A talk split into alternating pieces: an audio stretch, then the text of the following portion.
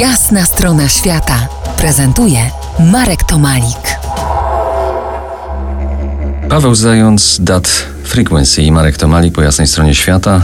Paweł jest prekursorem terapii dźwiękiem w kraju nad Wisłą. Paweł, jakie stany mogą pojawić się w czasie terapii dźwiękiem?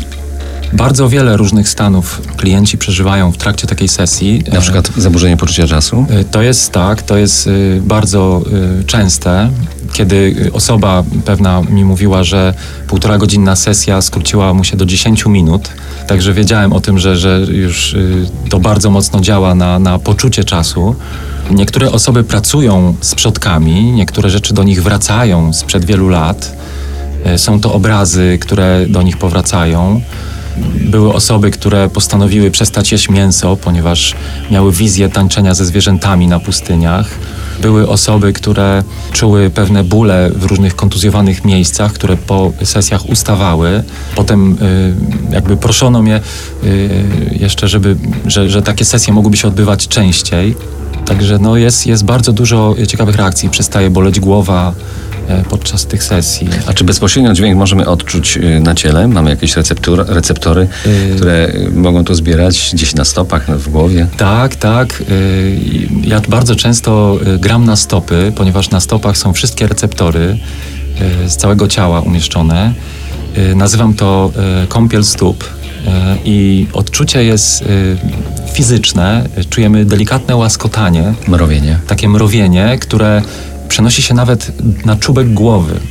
Aż niektórzy określają to, że nawet włosy dęba stają.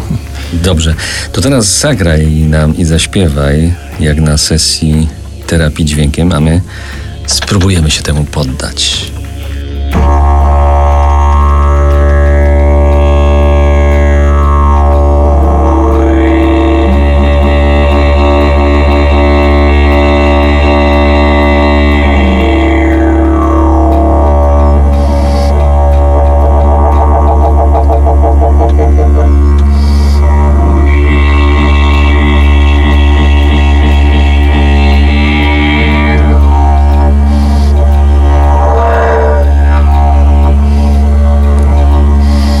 Przypomnę, że gościem jasnej strony świata był Paweł Zając, Dat Frequency, prekursor terapii dźwiękiem didgeridoo w Polsce. Najbliższe spotkanie z Tobą? Najbliższe spotkanie będzie we Wrocławiu. Miejsce nazywa się Body for Soul. Tam będziemy pracować z przodkami. Jest to dzień zaduszny, czyli bardzo ważny dla naszej kultury. Przypomnienie o tych, którzy sprowadzili nas na ten świat. A my po jasnej stronie świata usłyszymy się za niespełna tydzień. Była jasna strona świata w RMF Classic.